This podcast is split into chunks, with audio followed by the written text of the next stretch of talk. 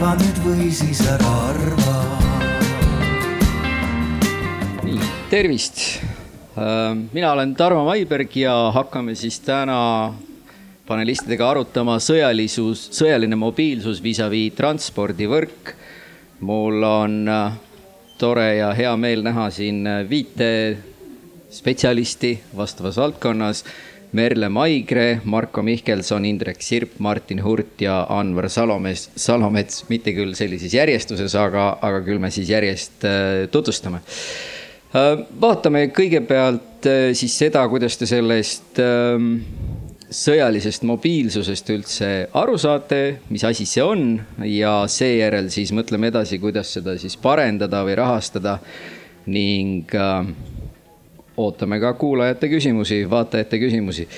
aga alustame kõigepealt Martin Hurt äh, RKK-st, et ole hea, selgita tee inimestele selgeks, mis asi on sõjaline mobiilsus ja mis hetkel see üldse sõnavarasse tekkis äh tervist, äh, sõjaline mobiilsus kui teema tõusetus peale Venemaa agressiooni Ukraina vastu kaks tuhat neliteist, et noh, neid on läbi ajaloo olnud väga palju. Äh, aga see on nüüd juba tegelikult teema, mis on olnud üleval viimased kaheksa aastat. sõjaline mobiilsus kui teema ja kui mõiste võib-olla kuulub pigem sinna Euroopa Liidu pärusmaale military mobility ja see, see seda defineeritakse Euroopa Liidu poole pealt äh, selliselt, et vaadatakse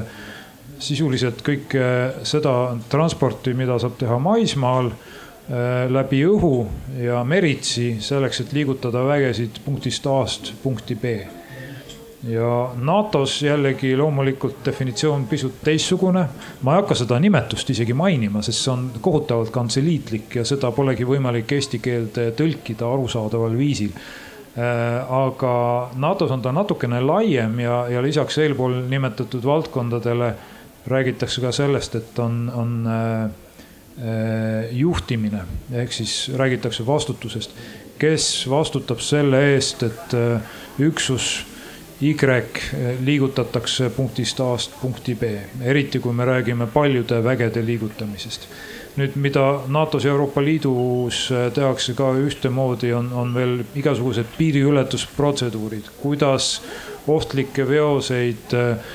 ühest riigist teise viia ja nii edasi. Nendel riikidel kõikidel on, on pisut erinevad protseduurid.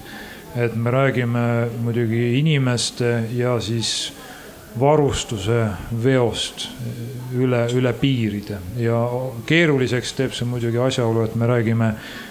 enamasti Euroopast, et riike on väga palju, et see on nii-öelda pikk vastus lühikesele küsimusele, ma loodan, et see rahuldab. ja ma lähekski kohe siit edasi, et äh, Merle äh, julgeolekueksperdina ehk oskadki kohe siis öelda, kuidas sa näed, kas äh, Eestis on sellele siiamaani liiga vähe tähelepanu pööratud? Ma võib-olla ütleks küll nii, sellepärast et kui võtta siin sõnasabast kinni ja tegelikult Martin, minul tekkis küll huvi kohe, et mis, mis, kuidas NATO-s ikkagi seda, seda nimetatakse, ma ei oska niimoodi paugu pealt ise öelda, et äh, sa tekitasid huvi selle kantseliitliku vormi vastu. aga, aga sõjaline mobiilsus, kui nüüd võtta nii nagu mina sellest aru saan ja, ja noh, selge on see, et Eesti jaoks on see ju väga tähtis, sellepärast et igasuguse kriisi ajal on lisavägede kiire eh, juurdetoomine Balti riikidesse sõltub sellest, kui ladusalt neid saab eh, liigutada. ja, ja täpselt nagu Martin ütles, et seal on siis eh, juriidilised või protseduurilised aspektid, seal on just see infrastruktuuri küsimus ja kui, kui NATO poolt vaadata ja ma arvan, et on oluline seda juhtimise aspekti ka vaadata, sellepärast et tõenäoliselt need väed, mis siia tulevad, on NATO väed, kui neid kolme aspekti niimoodi analüüsida ja vastata su küsimusele, et kas Eestis on sellele piisavalt tähelepanu pööratud, siis kui just ma arvan, et, et ma, ma ei ole kindel, et kõikide teede ja sildade ehitamisel on arvesse võetud nende suutlikkust kanda rasket sõjatehnikat. tõenäoliselt mitte mäletan ise, et esimestel äh, aasta, vabariigi aastapäeva paraadidel värskelt äh, remonditud äh, Vabaduse väljakul istus all garaažis või seal maa-aluses parklas kaitseväelased ja vaatasid, kas lakke tulevad praod või mitte, kui, kui peale kahe tuhande neljateistkümnendat või viieteistkümnendat meie paraadil osalesid ka USA tankid, kes siis sealt Vabaduse väljakult tribüüni eest läbi veeresid, nii et, et pikk vastus lühikesele küsimusele, et, et mitte piisavalt, aga, aga peaks ja noh, selge on see, et ole, uue äh, veebruarist alanud agressiooni, Ukraina agressiooni valguses on see tähelepanu Eesti poliitilisel ja, ja, ja ka juhtkonnal ja, ja kõikidel otsuse langetajatel julgeoleku küsimustele erakordselt kõrge. ja, ja selles suhtes on, on see hea võimalus seda nüüd teha. Marko Mihkelson, pikaaegse välis- ja, ja kaitsepoliitika ühe eestkõnelejana riigis, poliitikuna. miks alles nüüd me oleme hakanud sellele rohkem tähelepanu pöörama, miks juba varem ei ole? ma, ma ei oleks nagu päris sellega nõus, et äh, me nüüd alles nüüd nagu avastame, et, äh, et selleks, et äh, teed tanki kannaksid või, või, või, või ka sillad ja, ja muu infra, et, et selleks peaks midagi ette võtma, et kas nad siis tõesti on nii nõrgad, et nad ei suuda seda. et ma võib-olla nii mustades värvides nagu ei näe seda, aga võib-olla lihtsalt see, et et eks keegi meist ju ei ole tahtnud elada selles reaalsuses, mis äh, praegu me igapäevaselt Ukrainast vastu vaatab, et äh, me oleme ikkagi ju väga pika aja jooksul lootnud, et midagi sellist äh, nagu siin kunagi teise maailmasõja ajal toimus, enam ei kordu, aga nagu me näeme Ukrainas, siis see kõik on võimalik ja kahjuks noh, kõige klassikalisemal moel, et äh, sõda ei käi küberruumis, sõda, sõda käibki päriselt konventsionaalsel viisil, kus kohas ka selleks, et äh, sõjas edukas olla, peab sul olema väga hea logistiline ahel erinevateks toetustegevusteks, kaasa arvatud ka see taristu, mille kaudu on võimalik nii siseriiklikult kui üle piiride Äh, siis äh, vajadusel äh, lisajõudu, relvastust kõige erinevamal moel liigutada. Ja, ja noh, selles kontekstis ma olen küll päris kindel, et kui me siin räägime näiteks kasvõi Rail Balticu saagast, see, see väga pikk arutelu kõige selle ümber, eks ju, et liblikatest kuni lehmadeni siis, äh, siis äh, vabandage minu selline otsekohesus siin, aga, aga võib-olla ikkagi kõige olulisem ja reaalsem sisu ka selles on, et see on üks meie arteritest, võimalikest noh, julgeolekut tagavatest arteritest. Äh, mida me näeme praegu Ukraina puhul ju täiesti noh,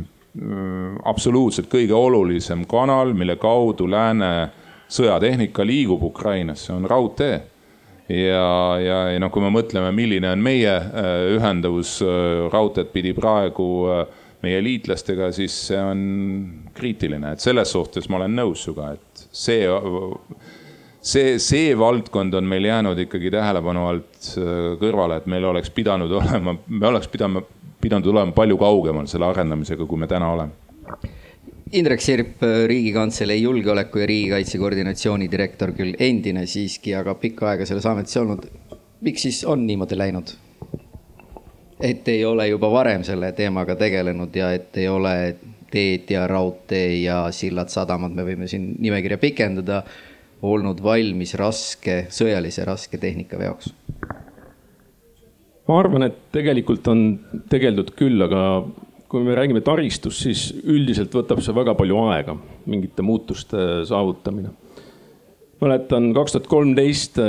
kui ma olin õnn töötada Rail Balticu eh, projekti peal, siis eh, ma ütlesin midagi sellist oma, ma ei tea, teisel töönädalal, et eh, no kaks tuhat kakskümmend kolm tõenäoliselt see raudtee toimib ja me saame sõita juba ilusti Poola. noh, järgmisel aastal me Poola sõita veel ei saa. et see kõik võtabki väga palju aega. aga ma arvan, et julgeolekukeskkonna muutus on on noh, meile Eestis olnud selge juba alates kahe tuhande kaheksandast aastast. Vene kallaletungist Gruusiasse, kus me hakkasime mõtlema laiapindse riigikaitse peale, hakkasime mõtlema selle peale, et, et kuidas NATO tegelikult meid kaitsta suudab ja kaitsma peaks. Kaks tuhat neliteist lisas sellele täiendavat sellist nagu äh, äh tõuget ja noh, nüüdne sõda loomulikult äh, teeb puust ja punaseks selge, selgeks, miks on äh, kogu selle konventsionaalse sõjapidamise juures ülioluline ka logistika ja vägede juurdetoomine. Balti riigid on selles mõttes nagu äh, geograafiliselt väga noh, viletsas seisus, et me oleme ühendatud äh, ülejäänud NATO-ga ainult läbi kitsa maakitsuse, mis asub Kaliningradi ja Valgevene vahel. ja no vastasel on väga lihtne seda mõjutada, et sealt meie maanteed ja raudteed läbi lähevad, mis peaksid äh, tanke ja soomukeid Balti riikidesse tooma Lääne-Euroopast. aga no sellegipoolest, nagu me näeme ka Ukraina puhul, siis noh, isegi kui vastane suudab mõjutada Äh, oma rakettide või millega iganes mingeid äh, raudteetaristu osi, siis üldiselt äh, ta täiesti seda ei suuda nagu noh nullida, et, et see raudtee, nii tänane kui ka tulevane Rail Baltic on üliolulised selleks, et, et anda NATO sõjalistele planeerijatele täiendavad võimalused, kuidas seda tehnikat kiiresti siia tuua, mida on vaja siia tuua aga see on nii-öelda tulevik, et miks see võtab ikkagi nii kaua aega, et varem juba ei olnud valmis? Anvar kindlasti oskab siin kohe täiendada, miks Rail Balticu projekt on nii kaua aega võtnud viimastel aastatel. Aga noh, eks siin on palju küsimusi, Balti riikide vaheline suhtlus, koostöö, äh, Eestis äh, elanike vastuseis, äh, planeerimise protsessi keerukus ja nii edasi, nii edasi, et noh, neid põhjuseid on palju, miks ta on nagu veninud, aga raudteed ei ehitata kümneks või kahekümneks aastaks, ehitatakse ja ta jääb sinna üldiselt aastakümneteks, sadadeks aastateks. Et Eestis olev raudtee pärineb ju üheksateistkümnenda sajandi teisest poolest, põhiliinid ja siiamaani toimivad, nii et äh, me ehitame seda teades, et see peab meid ka saja aasta pärast teenima, nii et selles mõttes, kas ta on siin kümme aastat varem või hiljem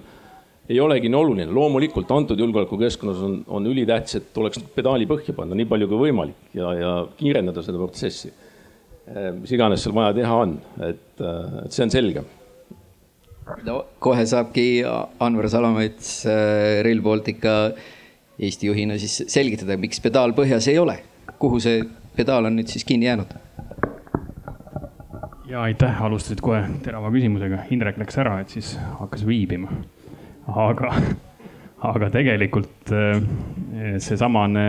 noh, lihtsalt öeldes ühiskonnakord, et eh, tuleb kaasata, tuleb kõiki arvamusi kuulata eh, ja, ja teatud protseduurid lihtsalt võtavad aega. minnes nüüd nagu rohkem sisusse, et väga suur noh, ütleme siis otsustaja või otsustuskoht on rahastamine mis tempot määrab ja noh, teisisõnu, see, see on ka siis see allikas, mida nagu teistpidi saab Eh, otsustaja reguleerida, et, et tahame tempot tõsta, ehitamise tempot, noh siis eh, tuleb ka vastavalt eh, kogu seda raamistikku, eelarve raamistikku ümber vaadata. et täna nii-öelda noh, sellise tehnilise jõudluse taha pigem need asjad ei jää. ja, ja noh, finantsraamistik siis tulles sinna taha, näeme õige pea nagu päris korralikku tempo tõusu. kas see sõjaline mobiilsus on alles hilja aegu tulnud sinna märksõnana Rail Balticule juurde, sest alguses ei olnud sellel teemal äh, raudteega juttu? tegelikult ta on päris algusest olnud, ehk siis kui me panime paika nii-öelda seda projekteerimise nagu normitehnilist äh, kooslust või, või raamistikku. ja ega me tegelikult ei osanud seda nagu sellisena teadvustada. noh, alles nüüd, kus me siin kõik oleme televiisorist äh, saanud seda sõjapidamist kahjuks jälgida oleme noh, tegelikult aru saanud sellest praktilisest mõõtmest, mida me siin kolm aastat tagasi tegime. ehk siis, et kogu tänane nii-öelda projektlahendus, mis on, mis on siis lauale toodud, tegelikult juba järgib siis noh, teatud norme, mis on tulnud eh, julgeolekuinimeste käest ja, ja mida on arvestatud. no jah, Indrek, noh ma lisaks seda sellist äh, kahe tuhande kolmeteistkümnenda, neljateistkümnenda aasta nagu mõtlemist, et toona tõepoolest äh, noh, seda sõjalist aspekti me avalikult väga palju ei rõhutanud. küll aga me rääkisime sellest laia julgeoleku mõttes, et mida paremini Eesti on ühendatud või noh, teised Balti riigid samamoodi ülejäänud Euroopaga, kuhu me kuulume ja, ja mida rohkem me oleme lahti haagitud Venemaast, nendest ajaloolistest sidemetest, mis meil on Venemaaga, elektriühendused, energiaühendused, aga ka raudtee et seda parem meie julgeolekule laias mõttes. aga noh, tõepoolest me seda esiplaanile ei toonud, pigem tõime ikkagi inimeste, kaupade liikumise. ja teine moment, ma arvan, mida me ka püüdsime tähele panna, on see, et kuidas Euroopa Liit mõtleb sellest. et Euroopa Liit mõtles sellest kui tsiviiltaristu projektist ja oli valmis raha andma sellele just sellisel moel. täna Euroopa Liit on enda mõtlemist muutnud oluliselt ja on valmis rahastama ka neid projekte või neid taristuobjekte, mis on nii-öelda kahese kasutusega või mis on ka sõjaliseks äh, tarbeks mõeldud. nii et oluline muutus on toimunud mitmel tasandil. kas see tähendab ka rahastamise muutust? Rail Baltic selles mõttes on äh, raha poolest on ta nii-öelda paremas seisus kui need kahese kasutusega potentsiaalsed projektid, kuna seal see omafinantseeringu määr on väiksem. et Euroopa Liit maksab vist kuni kaheksakümmend viis protsenti. kahese kasutusega projektide puhul on minu teada see viiskümmend ja viiskümmend, et ehk siis meil antud hetkel on sellest ümbrikust mõistlikum raha võtta, kust me oleme juba seda otsus, otsused saanud aga muid projekte Eestis, Kanamaa viadukt ja, ja, ja mis seal on veel, on saanud äh, täiendavat, äh, täiendavat raha ka sellest nii-öelda sõjalise kahese kasutuse fondist. Äh, Martin Hurt, rääkides NATO ja Euroopa Liidu koostööst, siis kas see on sõjalise mobiilsuse puhul hea? Kas inimesed omavahel suudavad avalt avatult ja otsekoheselt sel teemal rääkida või on seal mingisuguseid äh, konfliktikohti ka? ma vastaks, alustaks võib-olla kaugemalt ja ütleks, et äh, kogu sõjaline mobiilsus teemana ongi ääretult äh, kompleksne, sellepärast et ühest küljest, kui me vaatame näiteks Eestit, siis siin mingisuguseid lahendusi välja pakkuda ei saa ükski ministeerium üksi, et, et see juba tähendabki seda, et kaitseministeerium peab äh, koostööd tegema Majandus- ja Kommunikatsiooniministeeriumiga. erinevad riigiasutused nende ministeeriumide all peavad äh, tihedalt läbi rääkima ja kokku leppima, mis on keeruline. ühest küljest on meil siis avalik sektor, aga meil on ka erasektor, et, äh, et ta läheb erasektorisse kindlasti sisse. Kolmandaks on meil see rahvusvaheline mõõde, et meil, meil Eesti võib teha siin imeasju ja valmis ehitada mis tahes taristut Eestis, aga kui Lätis või Leedus või Poolas või Saksamaal jääb midagi tegemata, siis meil kogu see nii-öelda mobiilsus ei ole tagatud. Euroopa Liidus ja, ja NATO-s see koostöö on minu arust toiminud suhteliselt hästi, mis puudutab ametnike tasandit. niipea kui äh, sinna koostöösse Äh, kaasatakse riike, siis, siis, äh, siis on tuksis, et äh, mis tuleneb poliitilistest ja ajaloolistest põhjustest, miks need kaks organisatsiooni väga hästi koos ei toimi, et me ei pea nende riikide nimesid mainima. aga, aga ametnikud, kes ja sealhulgas ka kaitseväelased, kes nende teemadega tegelevad, eksperdid, nemad kohtuvad regulaarselt, arutavad teemasid, üritavad omavahel ära jagada, et kes mida teeb niiviisi, et, et jõupingutusi ei dubleerita, vaid et üksteist toetatakse. et see on kindlasti, ma ütleks, et suhteliselt hästi korraldatud. no just oligi, et eh, NATO tippkohtumisel võeti ju vastu uus strateegiline kontseptsioon ja seal oli ka ilusti kirjas, et eh, NATO ja Euroopa Liit peavad sõjalise mobiilsuse puhul seda koostööd eh, tihendama ja, ja see oli ka ühena, ühe esimese nii-öelda eesmärgina seal seatud, aga aga kuidas see nagu reaalses elus välja näeb, Marko, kas sa leiad, et riigid äh, tõepoolest ei suuda omavahel nagu ka koostööd teha, kui me räägime tõepoolest poliitikute tasandil? no ma arvan, et meil on nagu hiljutisest ajaloost on nagu paar sellist äh, näidet. Äh, et eks me kõik olime parajalt šokeeritud sellest, kuidas piirid sulgusid Covidi kriisi esimestel hetkedel ja siis me hakkasime mõtlema, et huvitav, et et kas nii ongi, et äh, liitlassuhetest pii-, äh, noh piisab või, või need lõpevad täpselt seal, kui algab mingi suur kriis. aga üks on ikkagi äh, tervishoiukriis ja teine on reaalne julgeolekukriis. ja ma arvan, et see, mis on nüüd toimunud alates kahekümne neljandast veebruarist, olgugi, olgem ausad, et et äh, nagu siin Indrekki mainis äh,, meie jaoks ikkagi äh, algas äh, see uus ajastu julgeoleku mõttes negatiivses kontekstis äh, kahe tuhande kaheksandast aastast, kui Venemaa alustas sõda Ukraina vastu, vabandust, Gruusia vastu ja, ja siis sõda Ukrainas on ju kestnud alates kahe tuhande neljateistkümnendast aastast siis ikkagi see, mm, see, see vägivalla massiivsus ja hävitussõja kontekst, mida Venemaa peab, on äratanud äh, tähelepanu ka meie liitlaste seas, kes muuhulgas on olnud siis nagu Martin mainis, võib-olla siin ja seal kõhklevad, kui on jutt läinud selle peale, et näiteks Euroopa Liit peaks olema ka rohkem geopoliitiline või, või mõtlema ka julgeolekule ja kaitsele, mitte ainult näiteks majandus- või poliitilisele koostööle. ja ma arvan, et veel üks faktor on mõjutamas seda meie regiooni ikkagi äh, sellist logistilist ahelat on ikkagi äh, täiesti uus äh, reaalsus, on Soome ja Rootsi liitumine NATO-ga. mitte ainult sellepärast, et need kaks riiki saavad meie väga lähedasteks liitlasteks NATO-s, vaid ka see, et tänu sellele, et nad ka avalikult eemalduvad Äh, ja tõmbavad joone alla oma neutraalsuspoliitikale, ükskõik kui palju seda oli äh, alles äh, kuni viimase ajani, siis nad on kindlasti ka edaspidi julgeolekudebatis ka Euroopa Liidu tasandil. Meile kindlasti, ma usun, väga lähedased. Ja, ja see aitab kaasa nüüd sedasama nii-öelda ühisosa laiendada, millest, mida sa küsisid, et eks see sõltub väga palju ka sellest, et kuidas Äh, kuidas me tervikuna näeme sellest, mil, mil moel peaks see sõda Ukrainas lõppema. ja, ja vot siin on minu jaoks äh, mõningaid veel tundmatuid alasid, et ma näen, et äh, poliitilisel tasandil liitlaste seas selles osas veel ühist arusaamist ei ole ja see võib mõjutada seda,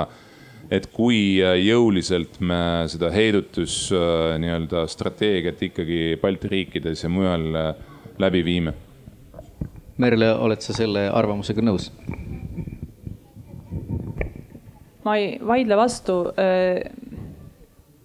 No selge on see, et sõda Ukrainas on, on väga ilmekalt näidanud mitte ainult Eestis, vaid, vaid kogu Euroopa riikides on aru saadud julgeolekuprobleemide tähtsusest ja vajalikkusest. näitena olgu siin kasvõi Saksamaa otsus, ajalooline otsus kaitsekulutusi suurendada. Nii et, et, et kui su küsimus on see, et, et, et kas ja kuivõrd NATO ja Euroopa Liit selles sõjalises mobiilsuses koostööd teevad, siis jah, absoluutselt, ühest küljest oli see Covidi aegne näide, kus Poola pani järsult piirid kinni ja kõik kõik need eestlased, kes olid äh, teel Euroopast äh, autoga tagasi Eestisse näiteks, äh, olid seal piiri taga lõksus. aga teisest küljest on Poola näiteks avalikult teatanud, et, et nemad on valmis nüüd uues Ukraina Venemaa vasta, Venemaa Ukraina vastase agressiooni valguses näiteks sõjalistele lendudele enda territooriumilt andma luba üle sõita kahepäevase etteteatamisega, samas kui Saksamaal on see pikkus viis, viis tööpäeva või ööpäeva, ma ei tea täpselt. nii et, et, et päeva lõpuks ma arvan, mida see tähendab, on see, et, et eks iga riik defineerib seda enda jaoks ise, mida see uus julgeolekuolukord tähendab ja kuivõrd see praktikas nende poliitilistes otsustes peegeldub no just, et miks ei suudeta ühtemoodi asja mõista, et tõepoolest võiks olla kuni kolme päevaga saab kõiki tehnikat, ohtlikke veoseid, kõiki asju saab liigutada. praegu on ikkagi nii, et NATO puhul on kuni kolm, aga Euroopa Liidu puhul viis päeva on see selline reegel. Nojah, nii ta on. Äh, küsimus on pigem selles, ma arvan, et kas ja kuivõrd see praktiliseks takistuseks saab ja siin on äh, muidugi meie kui Eesti, kui seda, kui seda Eesti aspektist vaadata, siis äh, kuni viimase ajani äh, on raudtee ja Suwalki maakitsus oli ainsaks nii-öelda selleks äh, tuiksooneks, mis tooks lisavägesid Eestisse maismaa kaudu aga tõepoolest nüüd, kus Soome ja Rootsi on peagi ka NATO liikmed, mõjutab see oluliselt seda äh, sõjalist mobiilsust Balti riikidesse, laiendades neid võimalusi, äh, lisades raudteele, mis ilmselgelt on sõjalise transpordi liigutamiseks kõige parem viis, sest raudtee kannatab hästi suuri raskusi ja tõenäoliselt mingisuguses äh, sõjalises olukorras on raudteega, on, on selles suhtes kui põgenikud võivad ummistada maanteed liikudes vastupidises suunas, siis tõenäoliselt on võimalik raudteel liigutada eh, tehnikat eh, hõlpsamini. aga Soome, Rootsi lisavad siia merelise dimensiooni, mis ma arvan, on selge, väga oluline ja vajalik Eesti seisukohast. Miks see Rail Baltica ei võiks olla sam- või Rail Baltic ei võiks olla samamoodi Euroopa rööpmelaiusega või on seal veel endiselt see Balti erisus ikkagi jääb sisse? tegelikult ongi rööp, Euroopa rööpmelaius ehk siis Selge, äh. Balti, Balti erisust ei ole ja noh, see selgelt ka eristab teda siis sellest tänasest olemasolevast võrgustikust, kus äh, saab ka vedada eriveoseid meie keeles ja ka veetakse. Lihtsalt tekibki seesama ajaline dimensioon ehk siis, et kui kiiresti Leedu-Poola piirilt näiteks või noh, sealtsamast siis Suwalki koridori lähedalt on võimalik jõuda Tapale, Pärnusse, kuhu iganes et, et see, see on see, mis eh, toob selle, kuidas ma ütlen, nagu tuntava efekti. ja, ja sedavõrd tuntava, et noh, oma varasemast eh, nii-öelda tööst teades, et eh, katsetati siis nii-öelda neid eh, logistikaliine või varustusliine eh, Klaipeda, Tapa eh, ja, ja hea, hea tulemus oli see, kui ööpäeva sisse nii-öelda see, see ära mahutada noh, me räägime Rail Baltica puhul eh, siis Baltikumi läbimisest eh, siin tundide jooksul eeldusel, et nad on siis seal juba Poolas näiteks olemas. Indrek, sa soovid? ja et näitlikustada seda äh, rööpme laiusest tulenevat probleemi, et noh, täna tuleb Leedu-Poola piiril see tank tõsta ühelt vaguniplatvormilt teisele. Äh, ehk siis Euroopa rööpmelaiuselt, mis Poolas on kasutusel, tuleb tõsta see Vene rööpmelaiusele, mis veel meil on kasutusel. Äh, ja noh, see on nagu äh, aeganõudev, et ma vaatasin mingeid andmeid. ma sain aru, et kaks rongi päevas suudetakse niimoodi ümber laadida, aga ühe pataljoni peale kulub äh, kusagil kuus-seitse rongi, et äh, kogu seda soomukite ja tankide jada vedada. nii et äh, see lihtsalt võtab jube palju aega, et ühe pataljoni vedamine seal, see pudelikael seal on juba neli päeva kuskil ja seetõttu selle Euroopa rööpmelaiuse saavutamine Rail Balticuga on ülioluline, et liigutada tehnikat võimalikult sujuvalt. Ja nagu me oleme näinud ka Ukraina viljaekspordi probleemist, kus Euroopa Liit on püüdnud kaasa tulla, aidata, noh sellel ajal, kui Musta mere laevateed ei toimi. ja seal on sama lugu, no Ukrainas on ka see Vene rööpmelaius ja ei ole võimalik lihtsalt väga lihtsalt kuidagi seda tuua Euroopa sadamatesse, seda vilja, sest sa pead ümber laadima, see kõik võtab aega lõpuks ei ole neid vaguneid ka piisavalt äh, nagu alati ja, ja nii et noh, neid probleeme on, mis tulenevad erinevatest süsteemidest. no aga see tähendab seda, et tulevikus, kui on vaja siis kahe rööpmelaiuse jaoks ka erinevat äh, hooldustehnikat, hooldusbaasi või te saate kõik, kõike saaks nagu ühe hooldusmeeskonnaga tehtud, vahetatud, ei ole vaja eraldi meeskonda? Anmar ilmselt sobib, sobilik vastama sellele noh, tegelikult, et kui seesama ühendus nüüd Rail Baltica näol olemas on eh, ühel hetkel, siis eh, me enam ei räägigi teisest rööpmelaiusest või vajadusest teise rööpmelaiuse peal midagi transportida. ja loomulikult ta nii-öelda siin kohalikus perimeetris võib tähendada seda, et on mõistlik teha logistikabaasid või varustusbaasid ka kuhugi mujale, noh näiteks meil on Pärnus on kõvasti ruumi. Eh, ühendused on olemas täna, tuleb Rail Baltic kõrvale, noh paremat asukohta keeruline leida et, et tegelikult eh, see siis eh, nii-öelda meie keeles vene rööpmelaius sellisel kujul eh, seda veost enam ei teeninda ja, ja ta tuleb otse siis ilma, et ta peaks seal midagi vahetama või et seal peaks olema mingisugused nii-öelda noh, erilahendused selleks. aga siis edasi vaadates terve Eesti tuleb see ju välja vahetada. kas see on see laiem või pikem perspektiiv ka? no mina olen seda mõtet toetanud, see on siin viimasel ajal liikunud. noh, loomulikult me peame aru andma, et see ei ole mingisugune lihtne see on veel pikem projekt kui, kui Rail Balticu projekt. ja seal on vaja nagu noh, mitte ainult uued rongid ja vagunid, aga kogu see taristu on vaja ümber teha siis. aga pikas plaanis on see ilmselt vajalik jah, ma hindan seda vajalikuks, aga noh, see on tõesti kakskümmend, kolmkümmend aastat. on meil nii palju aega, Marko? Ei no ma arvan, et see on pigem selline mm, sümboolne akt äh, lõplikuks lahkumiseks igasugusest Vene impeeriumi mõjuväljast. et äh, meil oleks hea, kui ka seesugune piir tekiks meie idapiirile, ehk siis äh, ka, ka sellise, selline logistiline nüanss, aga, aga noh, see iseenesest hetkel võib-olla ei noh, selge, et see võtab aega, see võtab raha see on pikk, aga tähtis on see, et, et me nagu nende kändude tagant, kus me praegu oleme, natukene kiiremini eda, edasi liiguksime, et loomulikult ütleme, me oleme siin keskendunud raudteetranspordile, aga väga oluline on ka ikkagi see, et, et kas näiteks potentsiaalses kriisisituatsioonis meretee mille kaudu ikkagi väga palju ju praegu varustust, liitlasvägede varustust Eestisse jõuab, et kas see ka kriisisituatsioonis on piisavalt lahti. Ja, ja no me näeme Ukraina puhul, kuidas on äh, rannik äh, blokeeritud. aga, aga ma ei võrdleks Ukrainat meiega just päris äh, ka selle tõttu, et seesama Soome ja Rootsi liitumine Mm, siis äh, NATO-ga siin ühel teisel äh, arutelulaval, välispoliitika laval on vist praegu hetkel täpselt sama,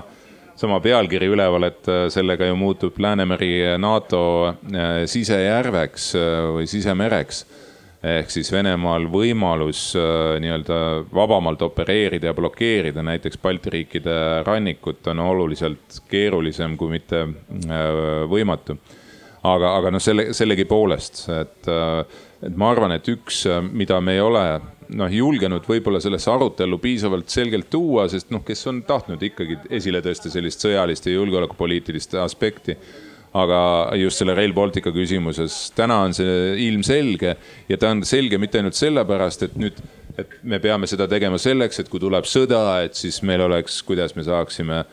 oma liitlasi siia juurde tuua, vaid tegelikult on ta oluline ka heidutamaks Venemaad sest kui meil on olemas sellised logistikaahelad täna nähtavad, arusaadavad, siis on ka Venemaal jälle üks nii-öelda argument juures, miks mitte meile kallale tulla. aga see on ka kohe sihtmärk. no sihtmärke, sihtmärke võib alati leida, aga, aga logistika on, on kaasaja sõjapidamises ülioluline. ja, ja me näeme seda igapäevaselt, kuidas see reaalses elus tegelikult toimub äh, siis Ukrainas praegu jah, et äh, sihtmärk on ju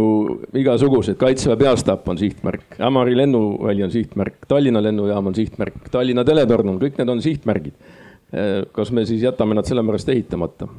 ei jäta, et äh, noh, me ei saa elada sellises mõttemaailmas, et potentsiaalseid sihtmärke me ei ehita Eestisse tahtsin edasi minna küsimusega, et korraks juba Martin mainis ka, et, et ühiskond ja, ja kohalikud ettevõtjad ja, ja kõik see tuleb ka kaasa haarata, et kuidas me suudame ühiskonna ja, ja ühiskonnana kaasa tulla selle mõttega, et me peame olema kogu aeg valmis äh, kõiki transpordiliike mõtlema nüüd mitte enam lihtsalt tsiviilkasutuses, vaid äh, kaheses kasutuses ehk siis äh, sõjalises kasutuses ka. Martin, oskad sa ideid välja pakkuda? ma arvan, et võib-olla see temaatika on laiem kui ainult transport, et, et äh, Indrek kindlasti on, on oma varasemas töös sellega, see oligi tema põhitöö, et, et riigikaitse ei ole ainult kaitseministeeriumi või, või kaitseväe ja ka, Kaitseliidu ülesanne, vaid, vaid pigem on küsimus selles, et kuidas iga riigiasutus ja ettevõte suudavad tegutseda rahuajal, kriisi ajal ja ka sõja ajal. et suure tõenäosusega eh, rollid väga palju ei muutu, võib eh, rõhuasetus muutuda natukene. nii et siin on eh, võib-olla tõesti transpordist natuke kaugemale mõeldes oluline see, et iga inimene ise mõtleb korralikult läbi, et kuidas tema oma ülesandeid täidab ka kriisi ja sõja ajal jah, Merle. Ja absoluutselt lisades sellele juurde, see on, see on mõte, mida ma, mida ma väga toetan ja ma arvan, see on mõte, mida, mida me igaüks oleme nüüd hakanud mõtlema peale veebruarit äh, sellel aastal. Ähm, paraku, et, äh, et kuidas ja kas Eestis meie siin oleme valmis äh, võimalikuks kriisiks ja tõepoolest, see on laiem kui, kui transport mis või raudteetransport, mis võimaldaks lisavägesid võimalikult kiiresti meile tuua. see sisaldab ka seda näiteks, kas ja kui palju Eestil riigina ja, ja meil inimestena on varusid. see sisaldab mõtet, kuidas meil on välja ehitatud varjendite süsteem. see sisaldab mõtet, kuidas on korraldatud võimalik elanikkonna evakuatsioon ja see on meie teadusesse jõudnud just sellepärast, et me oleme seda igapäevaselt uudistes vaadanud, kuidas see kõik Ukrainas on, on juhtunud ja, ja toimib ja seetõttu ta on kuidagi real, realistlikum äh, meie kujutluses. Ja ma arvan, et siin on selles suhtes väga-väga õige, et, et see ei ole ainult kaitseministeeriumi poolt korraldatud sõjaline riigikaitse, mis on kindlasti väga oluline, kuhu alla kuulub seesama Äh, sõjaline mobiilsus, vaid see on ka väga suur roll on siin kohalikel omavalitsustel, väga suur roll on siin päästeametil ja äh, kes, kes just suhtleb kohaliku tasandite inimestega, äh, kasvõi näiteks võimaliku evakuatsiooni korraldamise puhul. Indrek, kas selliseid mänge on läbi harjutatud, et nüüd evakueerime kogu, ma ei tea, näiteks Paide linna? E-, evakuatsioon on nüüd vist alates sellest aastast. Ja Päästeameti äh, ülesanne oli Politsei- ja Piirivalveameti ülesanne. Ja nad on äh, väiksemas mahus suuremate õppuste sees minu teada teinud, vähemalt nii-öelda lauaõppusena. aga kindlasti tuleb teha, et ega nende õppustega on see, et äh, sa teed ühe korra ja siis saad mingid õpitunnid, aga paadihti juhtub niimoodi, et need jäävad kuhugi sahtlisse vedelema ja no mis evakuatsiooni puudutab, see hõlmab paljusid inimesi, et noh, et äh, kogu see teavitamine, et inimene üldse aru saaks, et miks teda tahetakse kodust äh, minema meelitada või, või viia. et see kõik võtab äh, aega, et see settiks ühiskonnas, inimestes.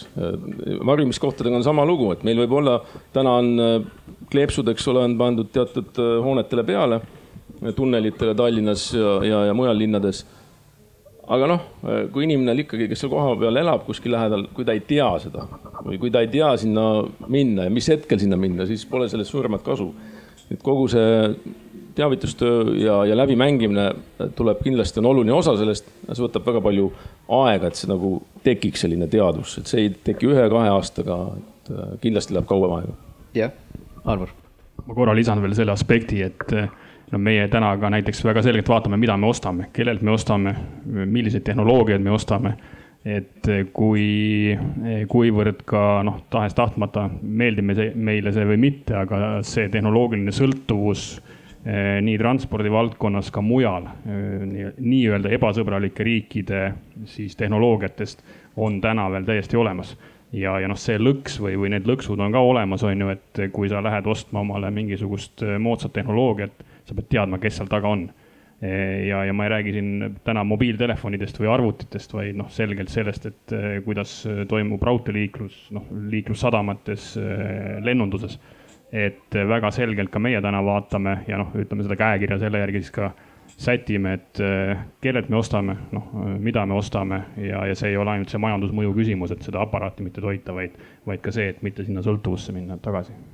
siis äh, järelikult peab tegema, kas ise uurite selle tausta või selleks on, äh, ma ei tea, näiteks kaitsepolitsei või keegi teine, kellega koostööd, äh, koostöös tehes saate selle tausta teada?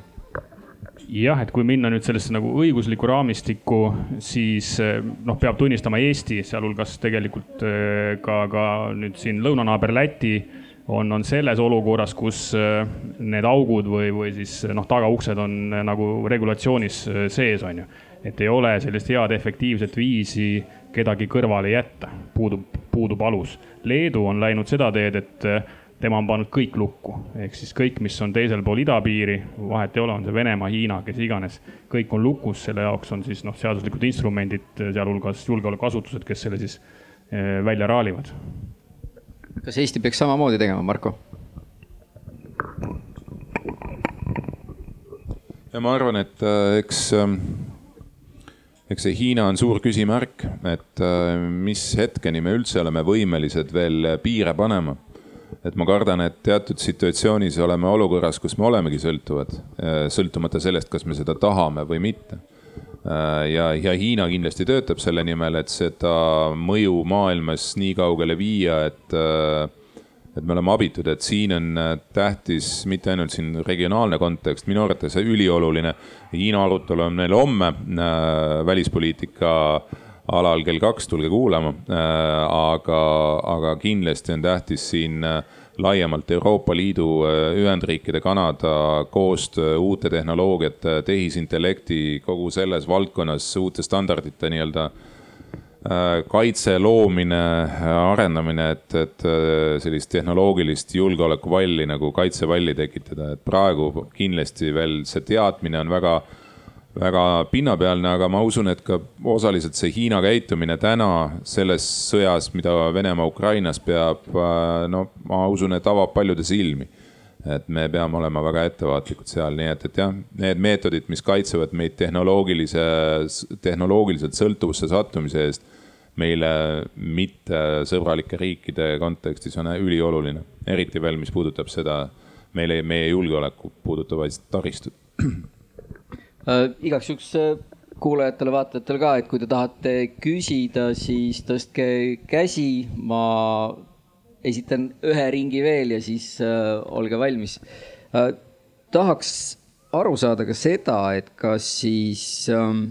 tänaste sündmuste valguses hinnatakse Euroopa Liidu riikide tasemel ümber senised prioriteetsed koridorid ehk et siis mõte on see, et ei ole ainult Äh, üks või, või teine kindel äh, transpordikoridor, vaid neid on ka lai-, teistsuguseid just nimelt, et kas tulevad merekoridorid, kas tulevad õhukoridorid. et, et me ei jääks ainult ühte Rail Balticusse kinni. no ma võin öelda, et et kuidas Euroopa Liit seni on mõelnud ja see on peegeldanud ka erinevate suurte, suurte taristuprojektide toetuses, on mõeldud väga tsiviil mõtteviisis ja see ei ole olnud halb, aga, aga on, on kindlasti toetatud Balti riikide erinevat lõimumist Euroopa Liiduga. olgu see siis gaasitorude väljaehitamine, varustuskindlustus energeetikas, Rail Baltic või, või teiste, teiste viiside kaudu, et, et on julgustatud ja toetatud seda, et, et, Balti riigid nii energias ja muudes ja logistikas ja muus taristus oleks võimalikult tihedamalt Euroopa Liiduga paremini lõimitud. lihtsalt nüüd Ukraina sõda on toonud ka Brüsseli otsuse langetajate maailmapilti sellise militaarsema dimensiooni ja nagu siin varasemalt juttu oli, on, on, on võimalikud kahe kasutusega projektidele ka toetust leida. Indrek ma ei ole teadlik, et nagu neid põhikoridore, mis on juba aastaid tagasi paika pandud äh, Euroopa Liidu seadusandluses, et kuhu suunatakse raha ja vahendeid, et need nagu oluliselt muutuks, noh, oldi piisavalt ettenägelikud ja need äh, pudelikaelad olid juba siis ju teada. Küll aga ma saan aru, et, äh, et neid õigusakte hakatakse ka muutma ja Euroopa Komisjon on vist välja tulnud ettepanekuga näiteks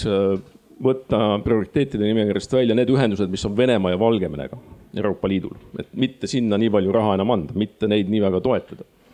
ja noh, see kandub samasugusest loogikast, millest ma ennem rääkisin, et, et lahti haakida võimalikult palju sellest Vene sõltuvusest. Ja teistpidi on, vaadatakse ka Ukraina peale, et Ukrainaga just nimelt tuleb neid ühendusi soodustada ja, ja anda sinna ka täiendavaid finantsvahendeid Marko, tahad täiendada? ja ei, ma arvan, et äh, pigem ongi see, mida, millega Indrek lõpetas, et, äh, et äh, Ukraina kiirem lõimimine, mis on ka meie huvides nii Euroopa Liidu kui NATO-ga lõppkokkuvõttes, puudutab ka massiivset infraarendust et, et selles suhtes võib-olla need teed, mis meie suunas on liikunud või on kokku lepitud, et neid äh, ma ei näe, et siin kusagil mingit suurt muutust tuleks, pigem on küsimus jah see, et, et kuidas, kuidas näiteks Ukraina kontekstis, millised investeeringud sinna võiksid tulevikus minna, lähitulevikus. Nii, kas äh, on kuulajate seas ka tekkinud mõned mõtted või küsimused? jaa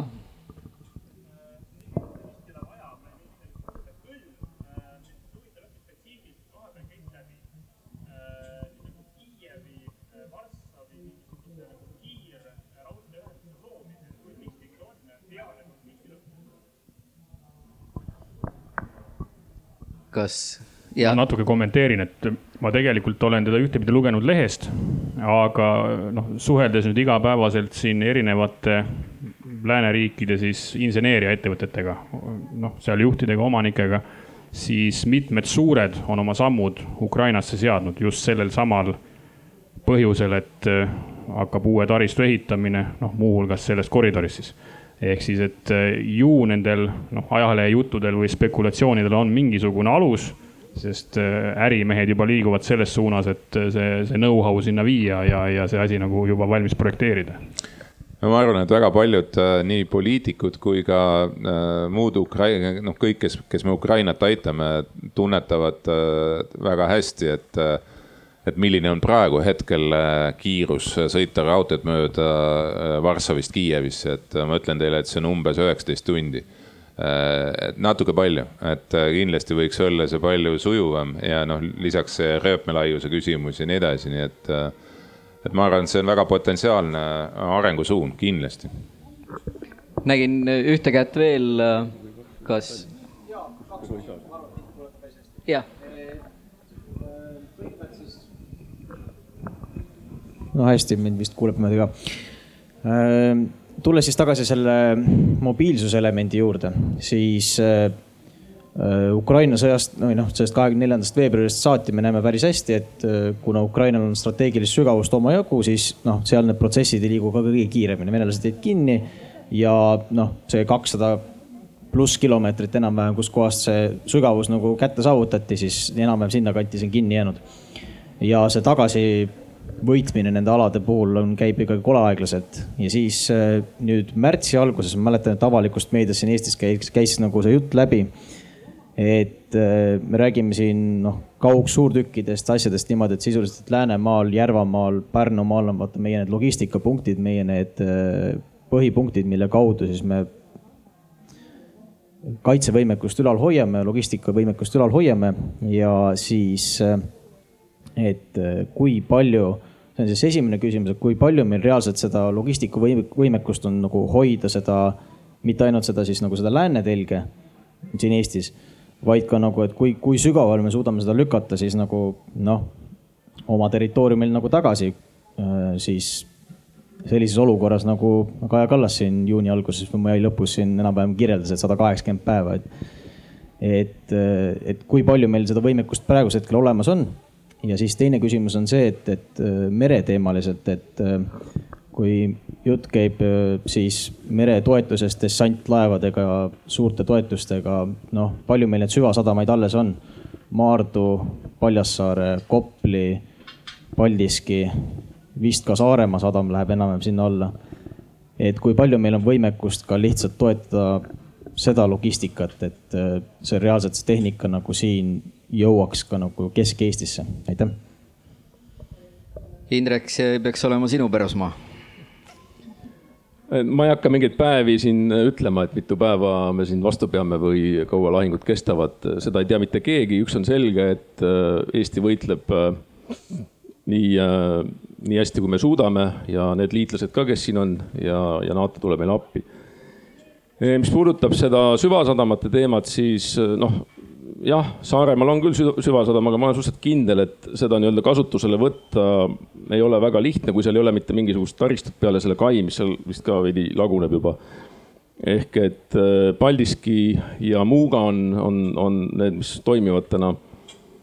ja noh, seetõttu ongi ülioluline neid äh, täiendavaid äh, võimalusi tekitada ja noh, Rail Baltic on üks võimalus, ta jookseks ka Eestis ja Lätis nagu lääne pool. kui me mõtleme Valga-Tartu raudtee peale, siis jookseb suhteliselt idapiiri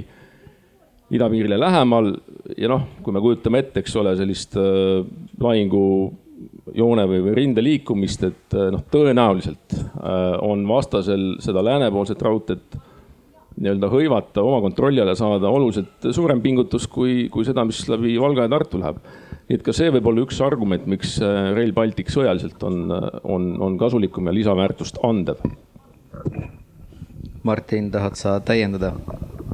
Ma võiks paar lisaaspekti tuua, et äh, siin enne Madridi tippkohtumist oli palju juttu sellest, et äh, Eesti tahab võimalikult äh, palju liitlasvägesid juba rahuajal Eestis näha. ja sama kehtib ka Läti ja Leedu puhul kui on raske siin isikkoosseisu hoida alaliselt, siis kindlasti varusid ja varustust. et seda ei peaks siis kriisi ja sõja siia juurde tooma, nii et, et see on lihtsalt selline lisaaspekt. see natukene nii-öelda läheb sinna sellesse logistikasse sisse. aga, aga mida rohkem meil juba rahuajal siin on, seda, seda vähem äh, haavatavad me oleme siis kriisi ja sõja ajal jällegi päevade arvu ja kõike seda ongi praktiliselt võimatu hinnata loomulikult. Aga, aga võib-olla oluline aspekt on võib-olla siin võimendada seda, mida Indrek juba ütles, et ega Eesti ei ole üksi, et, et kõike, mida me siin teeme, me teeme koos liitlastega, eriti suur pluss on kindlasti see, et meil siin tulevikus on, on kaks liitlast regioonis juures, et see annab meile seda strateegilist sügavust, mida sa siin mainisid ka Ukraina puhul, mida meil tegelikult siin ei ole. Aga kui Rootsi tuleb juurde ja, ja ka Soome, siis tegelikult NATO-l on seda strateegilist sügavust siin, siin regioonis oluliselt rohkem tulevikus, kui tal seda siiamaani on olnud. Marko, sa muigasid, soovid täiendada? ja et äh, kuidagi nagu kisub sinna sõja poole kogu see jutt, et, et noh, me juba loeme päevi, millal see sõda algab ja veel, veel enam, et mitu päeva ta kestab mina ütleks niiviisi, et kogu meie teadvus ja energia ja tegevus poliitikute ja spetsialistidena peab olema suunatud sellele, et mitte ühtegi minutit ega sekundit seda sõna ei ole, sest mina väidan, et üks sekund sõda Eesti vastu on ka juba meile katastroof. rääkimata saja kaheksakümnest või kahesajast päevast, sellepärast me näeme ju oma silmaga, äh, mis toimub Ukrainas. ja, ja loomulikult on, äh, on äh, noh ükskõik millises situatsioonis, kui see asi läheb juba nii kaugele, siis see on, see on Eesti jaoks katastroof äh,. isegi siis, kui me suudame oma territooriumi vabastada koos liitlastega, ehk siis kogu see tegevus, nii liitlaste kohalolek, poliitiline heidutusstrateegia, nii-öelda tõkendusstrateegia kaudu, kui ka see, et meil on noh, nii-öelda ka see taristu, mida me loome, nagu ma enne ütlesin, on osa sellest heidutusstrateegiast et teine pool saab aru, et äh, ei ole isegi mõtet üritada, et me, meil on kõik selleks valmis, et see katse tagasi lüüa, aga seda ei tohi juhtuda, see on äh,, see on noh, absoluutne prioriteet peab olema. Ja me peame oma ka mõtteviisis ennekõike harjuma selle või mõtlema selle peale, et mitte mõtlema selle peale, et et no, noh, no sõda on nagu peaaegu vältimatu, et kuhu ma nüüd siis varjun, eks ju, et ei, tegelikult me peame teistpidi võtma. Martin ja ma tahtsin selle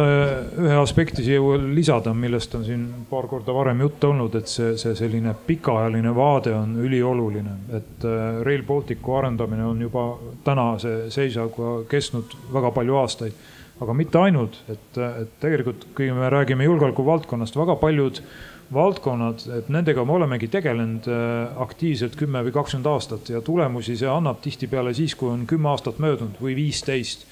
kui me räägime siin näiteks sellest, et me tahame rohkem liitlasvägesid sinuga rahuajal näha, et äh, see suur sõda ei tulekski siia, siis meenutame seda, et Kaitseväe keskpolügooni hakati äh, looma ja ettevalmistusi tegema kuskil äh, üheksakümnendatel aastatel. ja ma arvan, et see, mida siis nagu ette nähti, et see ehitati välja ja see oli saavutatud umbes kakskümmend aastat hiljem ja, ja nii nagu Anvar ka ütles, et, et me ei ela ju tsaaririigis, kus üks suur juht ja õpetaja kaardile tõmbab ühe joone ja, ja järgmiseks aastaks on asi valmis. Need planeeringud, need kooskõlastused, läbirääkimised, kohtus käimised ja kõik see, et see võtabki palju aega.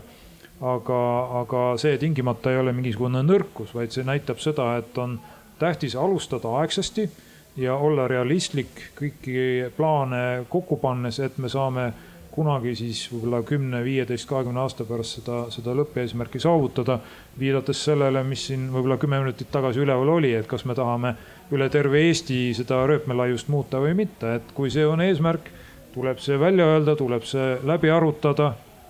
ja ära hinnata ja siis lõpuks otsustada ja selleni me kindlasti kunagi jõuame, aga ei mitte homme ega ülehomme.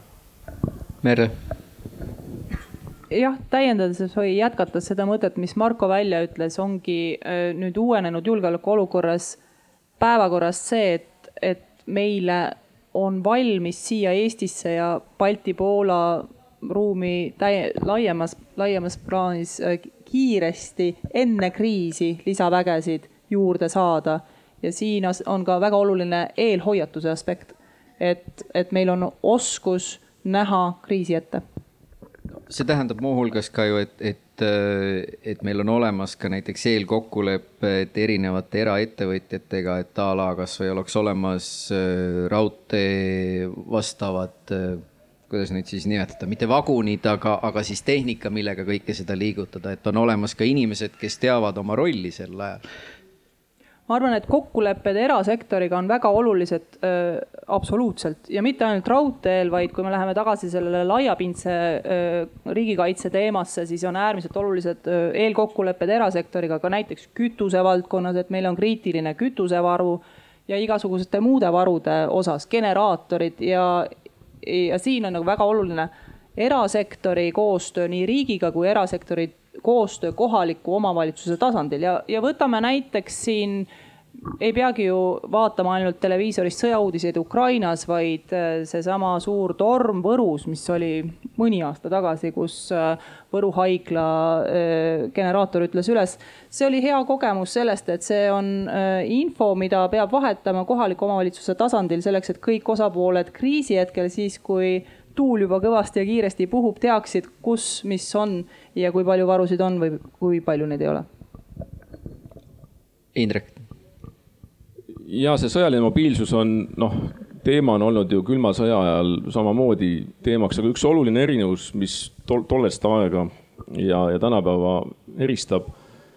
noh, ka Lääne-Euroopa mõttes on see, et väga palju taristut on tsiviil või erakätes, et äh, raudteed, need, kes äh, sõidavad meil äh,, vaguniomanikud äh,, noh, sideni ja kõige selleni välja. mis tähendab seda, et see koostöö valitsuste ja, ja riigi koostöö eraettevõtetega on ülioluline ja noh, meie loomulikult saame siin kasutada vajadusel mingit sundkoormisi ja võtta ära mingisuguse vaguni, eks ole, ettevõtte käest. aga noh, kui me mõtleme seda logistikaahelat Saksamaalt või Hollandist Eestisse, noh siis äh, sellest tõenäoliselt ei piisa, et meil selline õigus on. et äh, need vagunid tuleb üle Euroopa kokku ajada ja täna näiteks äh, kusagilt lugesin, et Deutsche Bahnil on mingisugune ekstra kokkulepe Saksa valitsuse kaudu, et seda NATO löögiüksust äh, transportida lühikese etteteatamistähtaega, mingi nädal aega. muidu tavaolukorras on sõjavägi nagu iga teine tellija. kolm, kolmkümmend, nelikümmend päeva ette tuleb oma vagunid tellida, nii et, äh, et see koostöö äh, ja ka selline regulatiivne raamistik on, on ülioluline, et seda soodustada kriisiolukorras. Anvar, tahad täiendada? Ja tegelikult Indrek võttis juba sõnad suust, et, et neid kokkuleppeid siis just selliste suurte riigiraudteedega kaitse, kaitsejõududel on, on, on mitmes riigis siia juurde veel see mõõde, noh, mis me ka täna oma igapäevatöös lahendame, et seesama nii-öelda modaalsus nüüd nendes sõlmpunktides, on nad siis sadamraudtee, raudteeraudtee, raudteemaantee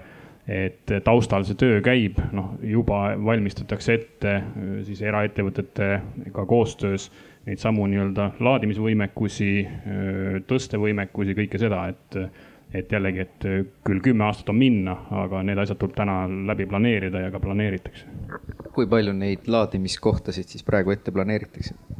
No üks on siin kõlanud, Pärnu on see nii-öelda logistika sõlmpunkt, mida on meil endil tarvis nii-öelda tsiviilkäibeks. Äh, aga seal on see võimekus äh, või kahene nii-öelda kasutuse võimekus olemas. Äh, Muuga kõlas siin juba, on vast kõige suurem jällegi eraettevõtte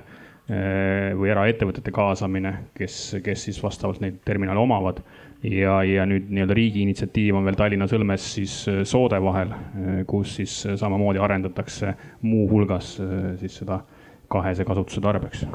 kui lihtne on üldse võtta kaasa sellise jutuga eraettevõtjad, miks peaks tema olema üldse sellest huvitatud?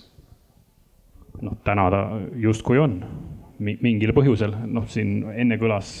see nii-öelda võimalik toetusskeem viiskümmend, viiskümmend meie näeme, et ka ilma selle skeemita eh, mõeldakse kaasa ja, ja kujundatakse siis oma, oma terminalide võimekust vastavalt. Indrek, kas eraettevõtjatel on väga palju patriotismi või peab ikkagi mingi muu initsiatiivi või, või meetme välja mõtlema nendele?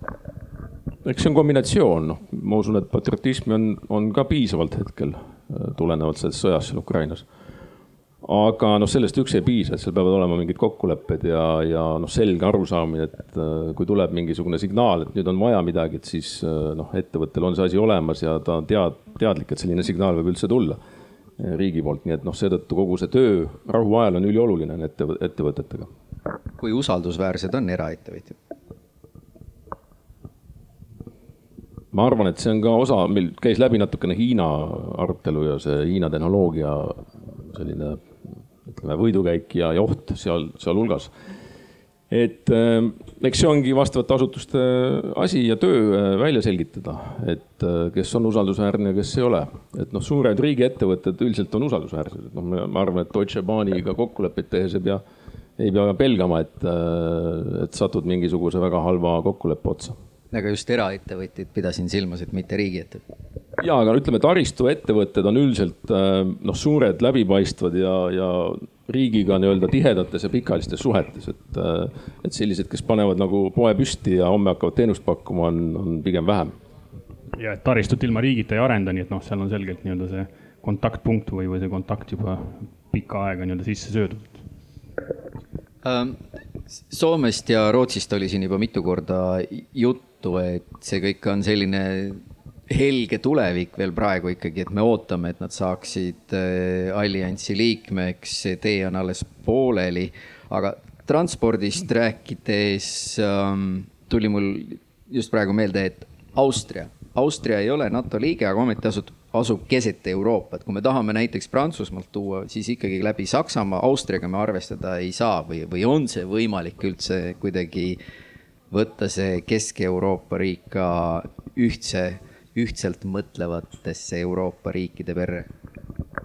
Marko no,? ma ei tea, minu parimad teadmised geograafiast ütlevad, et äh, miks minna ringiga, kui saab otse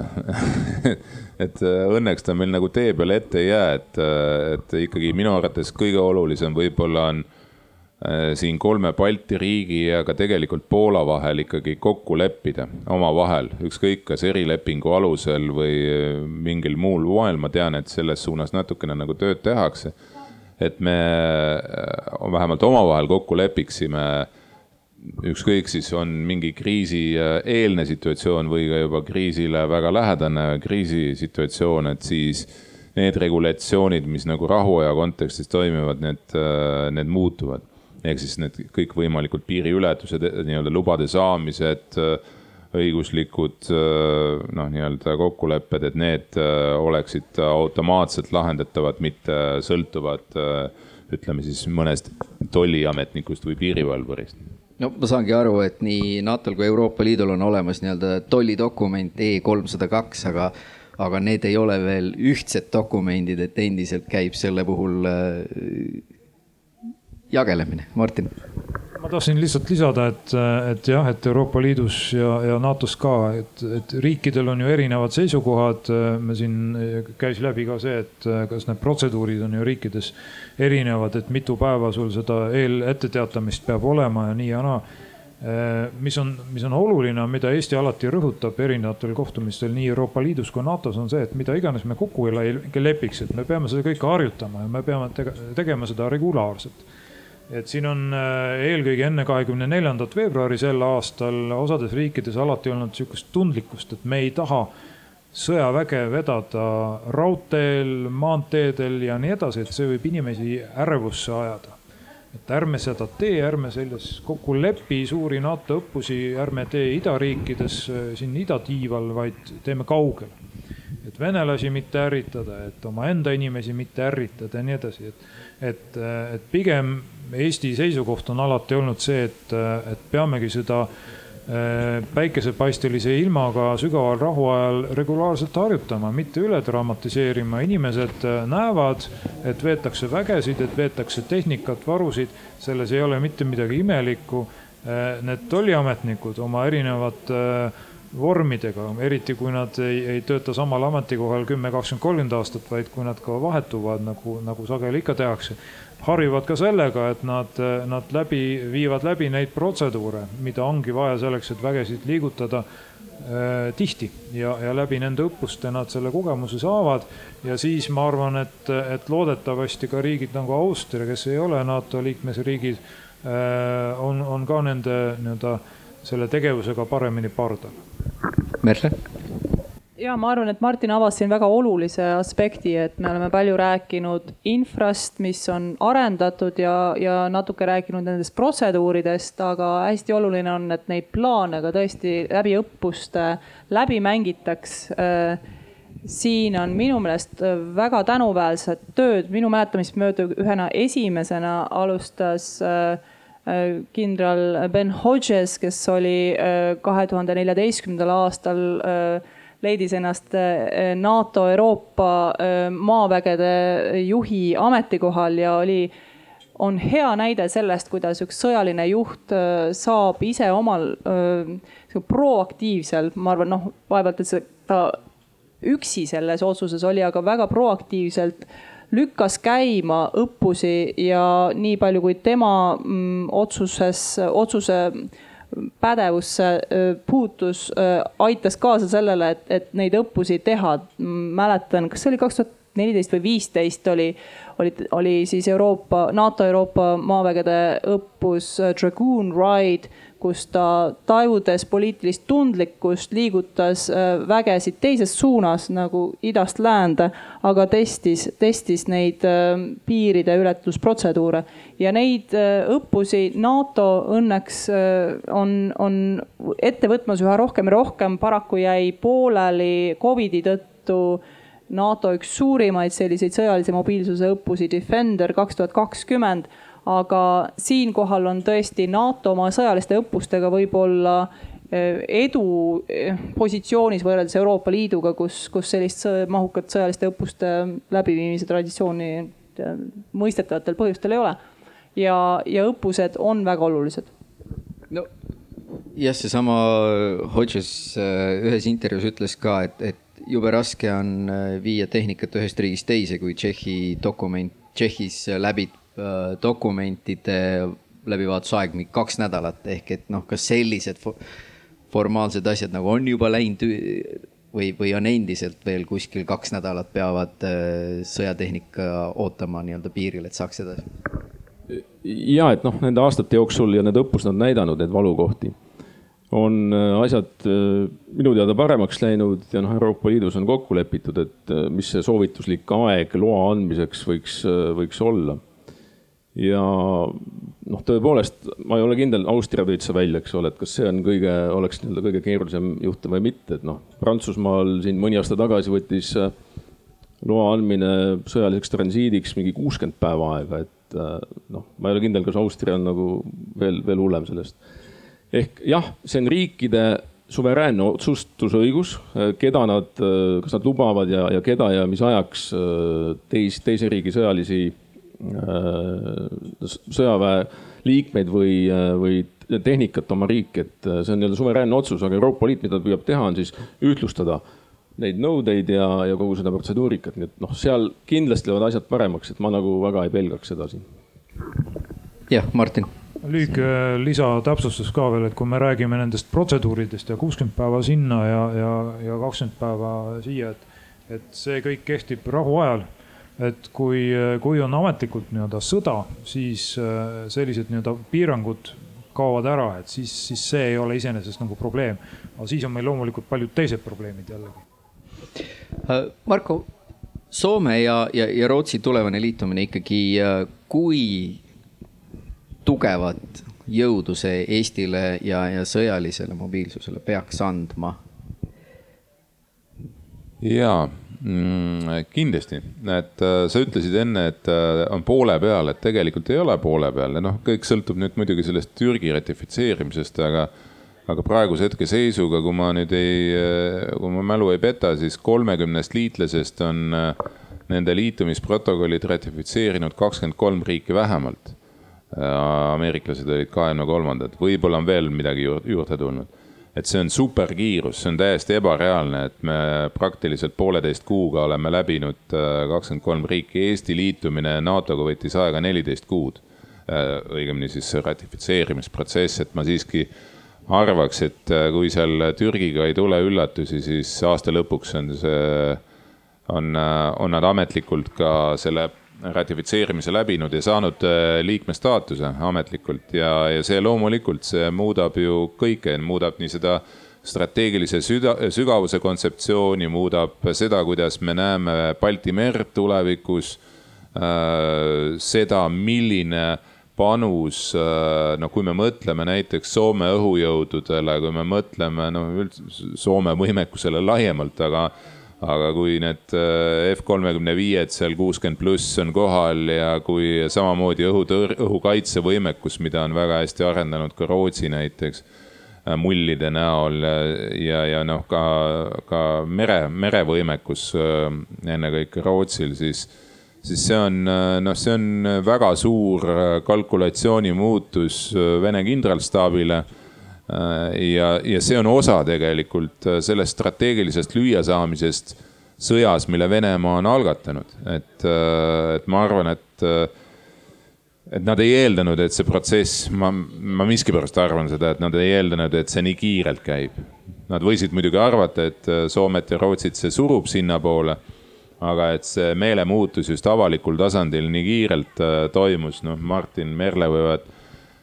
lisada, minu arvates oli see kindlasti, äh, see oli šokeerivalt nii kiire, et Venemaa isegi ei jõudnud reageerida reaalselt. ja, ja, ja noh, see pilt, mis meile praegu nagu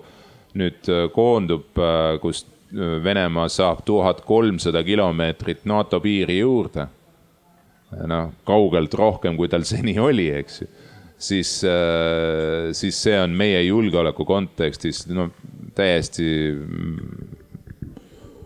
seda ei oska isegi kirjeldada, et kui suur muutus see on, et seda on väga raske kuidagiviisi üle tähtsustada. aga kuidas Balti riigid saavad Soome ja Rootsi kaitsmisel abiks olla, Martin? vastus on võib-olla see, et pigem esiteks viidates ka sellele, mida Marko rääkis, siis kõige olulisem on heidutus, vältida üldse sõda ja seda me teeme kõige paremini koos. Siiamaani, kui Rootsi ja Soome ei ole NATO liikmesriigid, siis äh, nende võimalik panus ühisesse kaitsesse, juhul kui heidutus peaks äh, ebaõnnestuma, on olnud suure küsimärgi all, ei ole me saanud tegelikult arvestada Soome ja Rootsi abiga üldse.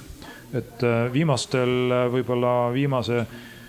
viie kuni seitsme aastaga Soome ja Rootsi on hakanud järjest tihedamat koostööd tegema NATO-ga. Aga poliitiliselt nad ei ole kunagi tahtnud ennast NATO-ga siduda niiviisi, et nad garanteerivad, et juhul kui näiteks Balti riiki rünnatakse, siis Soome Rootsi lubab kasutada oma territooriumi meie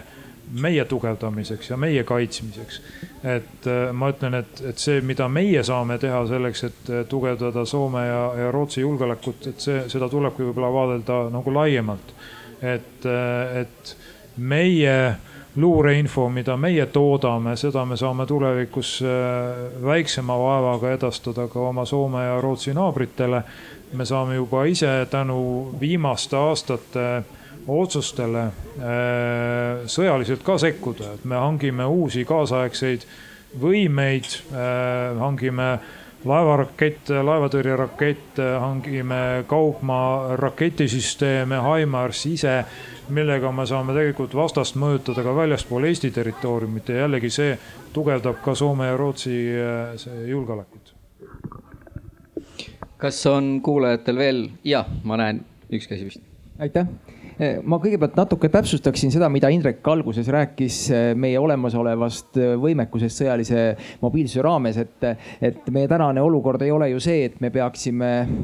Läti, vabandust, Leedu-Poola piiril neid ümber laadima. neliteist kolmkümmend viis raudtee jõuab ju täna juba läbi Kaunase teisele poole Kaunast Palemonasesse, seal on juba kaks kaubalaadimisjaama Leedus ju välja ehitatud tänaseks. ja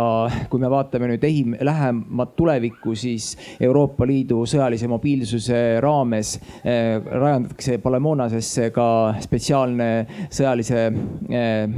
sõjaliste veoste ümberlaadimise võimekus ja samuti tugevdatakse tänast raudteekoridori sõjalise mobiilsuse paketi raames Eestis. et eh, need võimekused, mis meil sõjalise mobiilsuse raames ja need väljakutsed, mis meil on tänases ja lähemas tulevikus saavad ju rakenda-, lahendatud ikkagi olemasoleva raudteekoridori ja selle valmis ehitatud neliteist kolmkümmend viis raudtee baasil, mis on Leedus juba valminud tänaseks. aga see, mis on kindlasti väljakutse, mida me peame nägema, on see üle piiri tulev koridor seal Leedu-Poola piiril, mis on kolmekümne kilomeetri kaugusel Kaliningradist, mida me hästi teame, see on kahurite laskeulatus. et kui me praegu võrdleme seda olukorda selle raudteekoridoridega, kuidas toimuvad Ukrainas veosed, siis eh, seal eh, üldiselt ei ole need raudteekoridorid nii lähedal vastase territooriumile. et eh, see, mis on meie nõrk koht, mida me kindlasti peame siis nagu nägema, kuidas me suudame seda ühte niiti, mis meil sisuliselt vastase piirilt mööda läheb, kuidas me suudame seda nagu kaitsta. see on nagu see paras väljakutse, mis meil tuleb, ükskõik millisel kujul see raudtee siin meie Balti riikide sees liigub nii, Indrek. Ja, et äh, kaks kommentaari. esiteks, nojah, ütleme selleks, et äh, lääneliitlaste või NATO liitlaste tank jõuaks Eestisse, ei ole vahet, kas ta tuleb ümber tõsta nii-öelda Leedu-Poola piiri peal või äh, Leedus sees natukene, Eestisse ta jõuab samal ajal. et see ümbertõstmise aeg ikkagi kulub nii palju, nagu ma ütlesin, nende andmete põhjal, mis ma lugesin ja mis puudutab seda olemasolevat raudteed, siis loomulikult noh, täna ka ju NATO lahingugrupp Tapal äh, toob oma kraami kahte moodi Eestisse. üks on laevaga Paldiskisse ja teine on siis äh, Valga-Tartu raudteed pidi, äh, mis tuleb, mis on ühendatud siis Läti, Leedu ja, ja Poolaga. et loomulikult on ka see tänane taristu vajalik sõjalisteks vedudeks ja kui tohib korraks sellest Suwalki kaasusest, et et noh, sama kaugel, kui on äh, see koridor äh, Vene laskevõimekusest, on äh, venelased sama kaugel meie laskevõimekusest. ja nad teevad suurepäraselt, et Kaliningradist ei jääks mitte midagi alles, kui nad peaksid miskit ette võtma, et see on neil suhteliselt hästi teada, nii et, et ma arvan, et nad ja, ja isegi ka seda koridori hõivamist, äh, kui mõelda Valgevenest liikumise peale, see ei ole nii, niisama lihtne, et see on sada kilomeetrit umbes, et lähme ja teeme ära. aga sa lähed risttule all. Äh, ja mis veel üks äh, moment, et te ütlesite, et ei ole Venemaal võimekust noh, potentsiaalselt häirida Lääne-Ukrainas ühendusteid, on küll et äh, üks on see, et, et sul on äh, kaugelt võimalik äh, häirida, eks ju, kaliiber või muude, kaliiber tiibrakettide või muude sarnaste vahenditega, aga, aga teisest küljest ka me oleme näinud, kuidas Valgevene territooriumit kasutatakse raketilöökide andmiseks, et see, et, et nad seda sealt Bresti kandist ei ole veel teinud, noh, mõttekoht, miks nad ei ole teinud jah, Martin. lühike lisakommentaar, et need tähelepanekud on muidugi õiged, aga, aga sõja ajal et rahuajal äh, venelased äh, Leedu ega Poola territooriumit ei tulista. Äh, rahuajal on võimalik mereteed viia Briti lahingugrupi allüksuseid tuua Eestisse ja mingit probleemi ei ole, et see, see nii-öelda lisaväljakutse tekib meil siis, kui sõda algab, aga siis seesama lisaväljakutse tekib ka endal venelastel ja ja, ja suures pildis Kaliningrad on kõige, kõige nii-öelda ohustatum koht eh, nende jaoks, nii et, et see töötab mõlemat pidi kui tohib üks tehniline kommentaar ka siia juurde, et seesama Palemonose terminal, ma ise ka imestan, et kuidas leedukad nagu nii kehva asja tegid, et see on pudelikael. üks asi on nüüd ümberlaadimine, mida siin Indrek nimetas, noh, teine asi on seesama, et keegi ei vaidlegi vastu, et olemasolevat raudteed mööda eriveoseid, noh, nii-öelda siis sõjalist veost liigutatakse, neid, neid nii-öelda õppuseid siis tehakse. jällegi lõpuks kõik taandub ajale, on ju, et kas on ümberlaadimine, pluss kas meil on siis piiridel need administratiivsed takistused, noh rahuajal on nad kindlasti, sõja ajal eh, mingis osas ka väidan, noh minemata siin tehniliste tehnilistesse detailidesse, ka siis nad jätkuvad. puhtalt sellepärast, et veovõime on äh, riigiti erinev ja, ja noh, ühte sama kaalunormi igas riigis läbi ei saa vedada. kas on veel kuulajatel küsimusi? siis äh, ütlen, et aitäh, et te osalesite, leidsite aega täna tulla ja loodetavasti siis on lähiajal kogu meie transpordivõrk äh, valmis ka sõjalist tehnikat vedama kahene kasutus, aitäh teile. selge see, et ega kõike teha.